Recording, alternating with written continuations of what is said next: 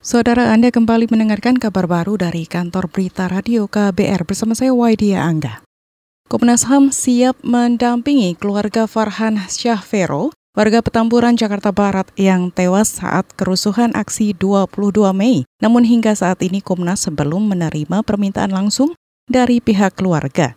Ketua Komnas HAM Ahmad Taufan Damanik mengatakan pendampingan akan diberikan termasuk saat proses otopsi demi kepentingan investigasi penyebab kematian. Kami kemudian setelah itu dapat informasi, katanya keluarga Farhan ini minta nanti didampingi Komnas HAM untuk otopsi ya, walaupun sudah dikumikan. Kita bilang kita bersedia untuk mendampingi kalau itu memang diperlukan. Ya. Tapi sampai sekarang belum ada dihubungi pihak keluarga. Saudara Farhan Syahvero merupakan salah satu korban tewas dalam kerusuhan aksi 22 Mei Farhan diduga tewas akibat luka tembak di leher, namun keluarga menolak autopsi terhadap jasad Farhan. Kita ke berita selanjutnya, tim kampanye nasional Joko Widodo Ma'ruf Amin tengah menyiapkan dokumen kepemiluan untuk menghadapi gugatan hasil Pilpres 2019 yang diajukan kubu Prabowo Subianto ke Mahkamah Konstitusi. TKN Jokowi Ma'ruf berencana mengajukan diri sebagai pihak terkait dalam perkara ini. Wakil Ketua TKN Arsul Sani mengatakan pihaknya juga bakal mendalami hal-hal yang selama ini dipersoalkan kubu Prabowo. Pada tahap ini kami mengkompilasi semua dokumen-dokumen kepemiluan ya tentu yang terkait dengan pilpres ya kalau dari TPS kita mulai misalnya dengan dokumen C1 kemudian ada DA ada DB, ada DC juga ya Pak Juri ya.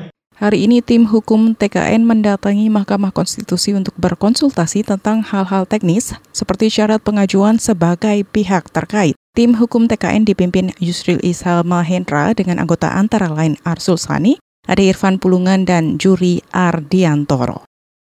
Kelompok pengemudi ojek online mengapresiasi TNI Polri yang bertugas selama aksi 20 1 hingga 22 Mei 2019, juru bicara gabungan aksi Roda 2 atau Garda, Ari Nur Prianto mengatakan aparat telah membantu menangani kerusuhan dalam aksi tersebut. Mereka mengungkapkan apresiasi dan ucapan terima kasih langsung kepada aparat yang berjaga di gedung Bawaslu. Dan alhamdulillah dengan adanya Bapak TNI Polri, hingga kami dari ojek online bisa mencari nafkah kembali dan hingga masyarakat yang menggunakan jalan saat ini sudah tidak terganggu lagi. Juru bicara Garda, Ari Nur Prianto, mengaku pendapatan pengemudi ojek online menurun selama aksi 22 Mei. Penurunan berkisar 30 hingga 40 persen. Sejak 21 Mei lalu mereka hanya mendapatkan pesanan kurang dari 10 perjalanan dalam sehari.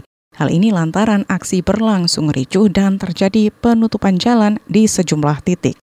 Kementerian Perdagangan menargetkan ekspor Indonesia ke Chili tumbuh 200 persen tahun ini. Target tersebut dipatok usai penandatanganan kerjasama kemitraan dengan negara Amerika Latin itu.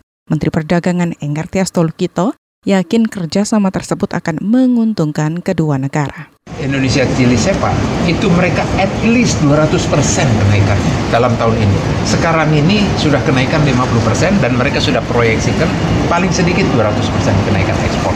Saudara perjanjian kemitraan dengan Chili akan berlaku mulai Agustus mendatang. Pelaku usaha di kedua negara bisa menikmati implementasi tarif baru sejak 60 hari setelah pertukaran dokumen antara Indonesia dengan Chili. Demikian kabar baru dari KBR, saya Waidia Angga.